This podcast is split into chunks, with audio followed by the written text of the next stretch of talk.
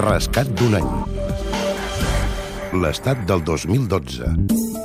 Garzón, el jutge jutjat. El jutge Baltasar Garzón, apartat de la carrera judicial. El Tribunal Suprem l'ha inhabilitat per 11 anys Després de 31 anys de carrera judicial i més d'una vintena a l'Audiència Nacional Espanyola, el jutge Baltasar Garzón és inhabilitat. Qui va destapar, entre altres, les trames de corrupció del cas Gürtel i va ordenar la detenció del general Pinochet, és condemnat a 11 anys d'inhabilitació.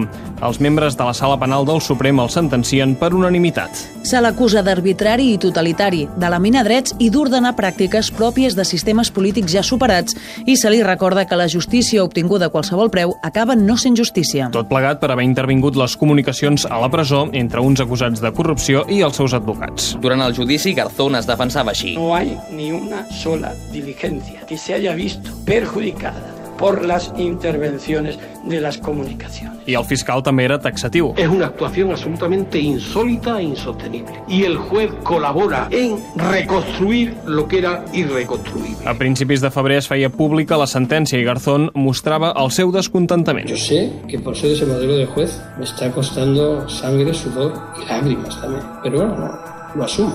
Yo cuando decidí entrar en la carrera judicial hay que dar todo lo que tienes. Ahora estoy suspendido, me da pánico. Amb les portes de la justícia espanyola tancades, Garzón emprèn un nou camí.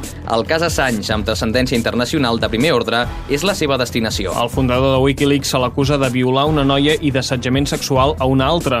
A més, els Estats Units l'acusen de posar en perill la vida de moltes persones per haver filtrat informació confidencial al juliol del 2010. La justícia sueca en demana l'extradició. The Swedish public prosecutor has requested the extradition of Mr. Assange on charges of serious sexual offences. Assange, però, sota arrest domiciliari, creu que aquest serà un primer pas per finalment dur-lo als Estats Units.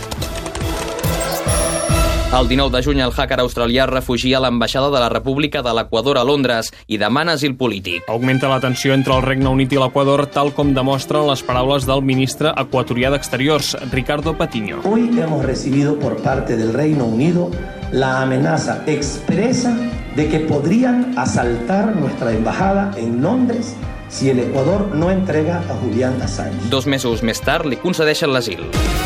Desafiant les autoritats britàniques i tal com havia anunciat, el fundador de Wikileaks ha comparegut aquesta tarda des d'un balcó de l'ambaixada de l'Equador a Londres. I des d'aquest balcó, Assange agraeix l'asil polític i parla de caça de bruixes. Demano al president Obama que faci el correcte. Els Estats Units han d'aturar la seva cacera de bruixes contra Wikileaks.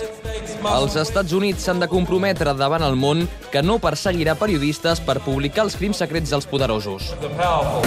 Garzón es converteix en el cap de l'equip legal d'Assange. Manté que el fundador de Wikileaks es troba fort d'esperit i parla de la seva defensa. Resulta inaceptable la situación en la que este hombre se encuentra y sobre todo la presión de la que está siendo objeto Wikileaks por ejercer precisamente lo que decía hace un momento, ese derecho a la información. Avui, el hacker australià que demana un salconduit per anar a l'Equador, però Londres li nega, segueix a l'ambaixada. Ja fa sis mesos que hi és. La lluita diplomàtica entre la Gran Bretanya i l'Equador continua ben viva.